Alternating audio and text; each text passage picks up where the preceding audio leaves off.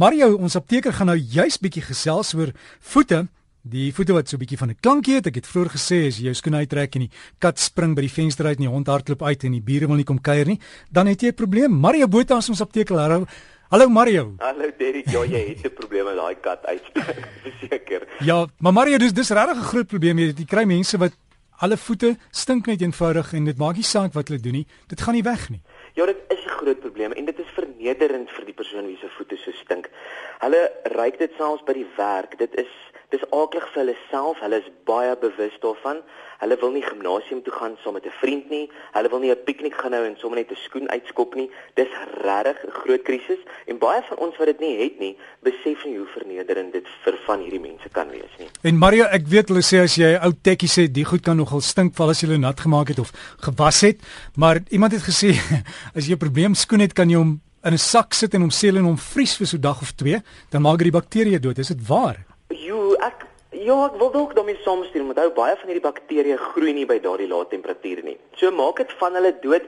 Ja, ek dink 'n bietjie so, maar ek dink baie van hulle is ook so sterk dat hulle kan wegkruip of net dormant raak. En die oomblik wat hulle weer blootgestel word aan hierdie hoë temperatuur, dink ek vat hierdie fungus of bakterie weer vlam en dan sit jy maar met waarmee jy gesit het. Die interessant is, hierdie bakterie vat dan van hierdie dooie vel op jou voet en sweetdruppeltjies veral. En dan omskakel hy hierdie sweetdruppeltjie na 'n 'n afskeimiddel toe. En daai afskeimiddel of sy dis so half sy urine hierdie bakterieë sin en daai urine wat hierdie bakterieë dan afskei dit is dit wat dan stink. Dit is wat die stink veroorsaak. So dis nie jouself nie. En dis eintlik 'n goeie punt om te weet. Dit is 'n gogga wat of binne in jou skoen of op jou voet groei wat hierdie stinkafskeiding veroorsaak. So dis nog 'n pluspunt dink ek Derek vir baie van hierdie mense met stinkvoete. En Mario baie mense wat hulle dan doen is hulle oorwas die voete en stimuleer jy dan die die vingers groei of nie?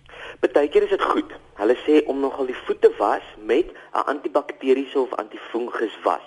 So gaan na jou apteek toe, vra vir 'n hibi skrap of 'n hibi tuin, so baie goeie skrapmiddel. Die dokters was ook daarmee voor operasies hulle hande. So gaan was jou voete en vat 'n skropborseltjie en borsel dan die voet goed met hierdie hibi skrap of hibi tuin.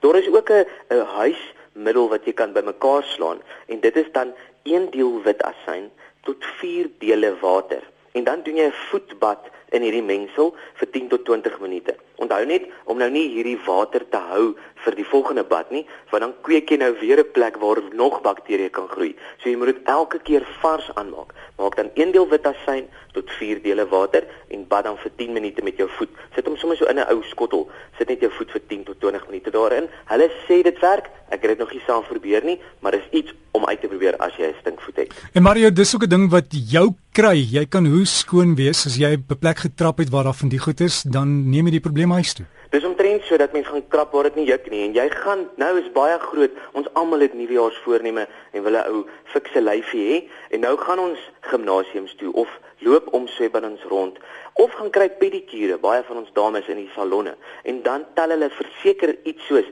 atleetvoet op. Die groot naam vir atleetvoet is tinea pedis. En dit kry, is interessant 70% van mense in hulle lewensiklus. So iewers in jou lewe gaan jy atleetvoet optel. En dit is dan kan skibberig wees of dit kan lyk soos 'n droë vel onder die voet of dit kan selfs blaasagtigheid veroorsaak. Baie mense in die slegste en die erge gevalle word hierdie blaasies dan uitterig en daar loop selfs um, vloeistof uit hierdie blaasies uit. So kyk maar daarna, maar maar dit is nogal iets wat behandelbaar is. Gaan na jou apteek toe, sê of wys vir die apteker hierdie voet van jou en hy sal dan vir jou 'n oortie toonbankmiddel gee.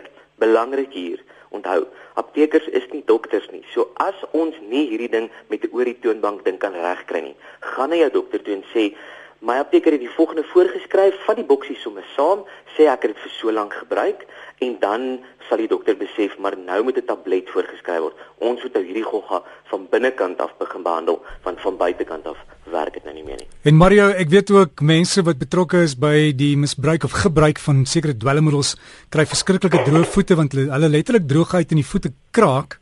Uh, dis ook 'n probleem, né? Dis dis 'n groot probleem want daai krakies veroorsaak dan 'n sekondêre infeksie en wat baie keer in erger gevalle en ons diabetesleiers sal hiermee saamstem.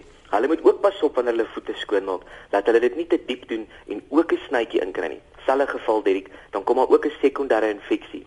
Die sleg van die sekondêre infeksie is dit kan weer 'n gangreen veroorsaak en dan moet ons die voet of die been afsit om die gangreen te stop. So wees versigtig as jy dan nou dwelms gebruik en dit is aaklig, moenie dit by jou voet doen nie. Dit is grillerig, moet in elk geval nie eers dwelms gebruik nie, maar pas op.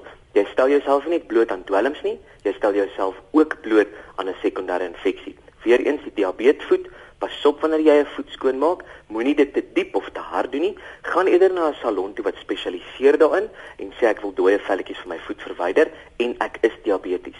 Hulle weet dan hoe om die voet skoon te maak.